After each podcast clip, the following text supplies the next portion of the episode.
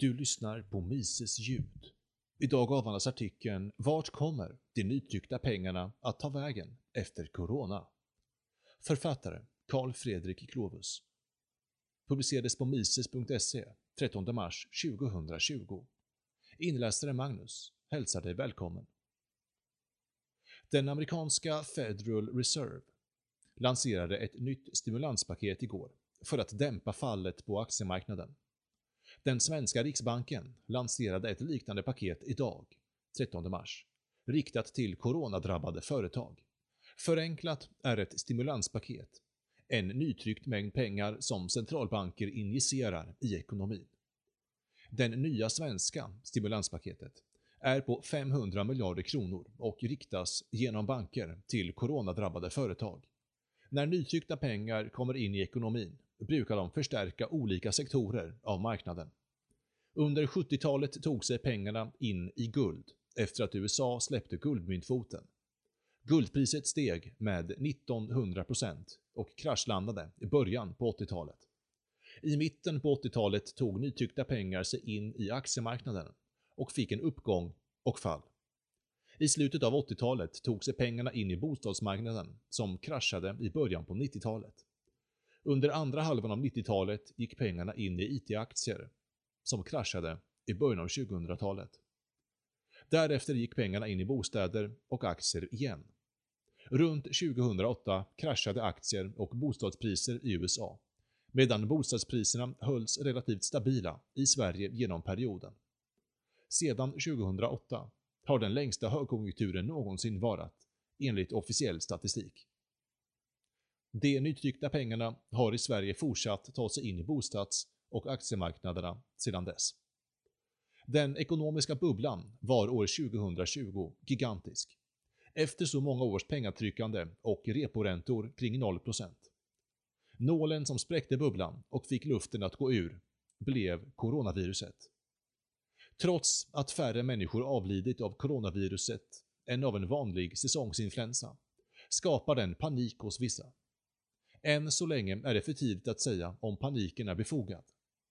För att minimera spridningen av viruset får arbetare stanna hemma från jobbet. Barn får stanna hemma från skolan. Resor ställs in och människor bunkrar dagligvaror. Svaga företag med dålig kassa och mycket lån kan få problem att betala sina räkningar när verksamheten tar en tillfällig paus. Dessa skulle kunna gå under på grund av den osäkra perioden och Riksbankens stimulans är tänkt att riktas till dem. I övrigt är dock ingen reell skada skedd. Flygplanen som nu står på marken finns kvar och är redo att flyga igen när kunderna kommer tillbaka. Kanske har de en annan logotyp på stjärtfenan, om de blivit uppköpta av ett starkare bolag ur konkursboet. Men det finns fortfarande kvar, oskadda. På samma vis är det för industrier. Deras maskiner står kvar. Kontorslokaler står kvar. Det faller inte ihop i jordbävningar. Åkrarna svämmar inte över eller torkar ihop. Det bryr sig inte om viruset. Ingenting reellt har försvunnit. Inget värde är borta. Ändå kraschar priset på aktier. Värdet i företagen finns dock kvar. Det nya svenska stimulanspaketet riktar sig till bolag som blir påverkade av coronaviruset. Det innefattar resebolag, flygbolag, hotell med flera. Stora bolag tappar mycket omsättning, vilket gör att de kan få stora lån av Riksbanken. Mindre bolag har mindre omsättning och därmed ett mindre tapp i omsättning, så de får inte lika stora lån.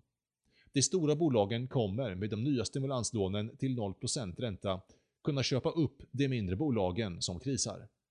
Och detta kan de göra till rabatterade priser under coronarean.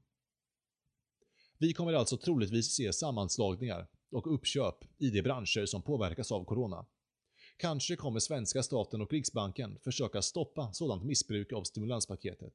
Men de största företagen kommer förmodligen få sin vilja igenom ändå.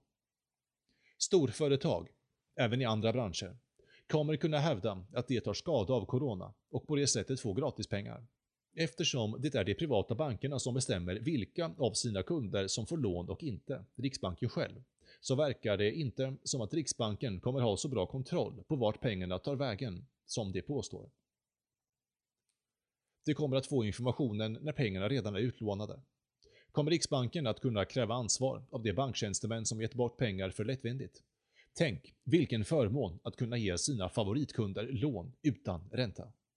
Bankerna har också incitament att låna ut mycket till de företag som redan har stora lån i banken, eftersom banken kan gå miste om de återbetalningarna ifall företaget går i konkurs. De som får de nytryckta pengarna först tjänar på ett stimulanspaket. De som får pengarna sist förlorar. I detta fall går pengarna genom bankerna till stora företag som köper upp de små. Ägarna till de små företagen tar därefter köpeskillingen vidare och investerar kanske i andra bolag eller spenderar pengarna på något fint till sig själva. De som får pengarna sist är löntagare och pensionärer. När de får tag i slantarna är de inte lika mycket värda som det var innan stimulanspaketet. Levnadskostnaderna har gått upp för det finns mer pengar i ekonomin, men inte fler saker att köpa. Stefan Ingves kallar stimulanspaketet för gratispengar. Men det finns inget som är så dyrt som det staten lovar gratis. Three.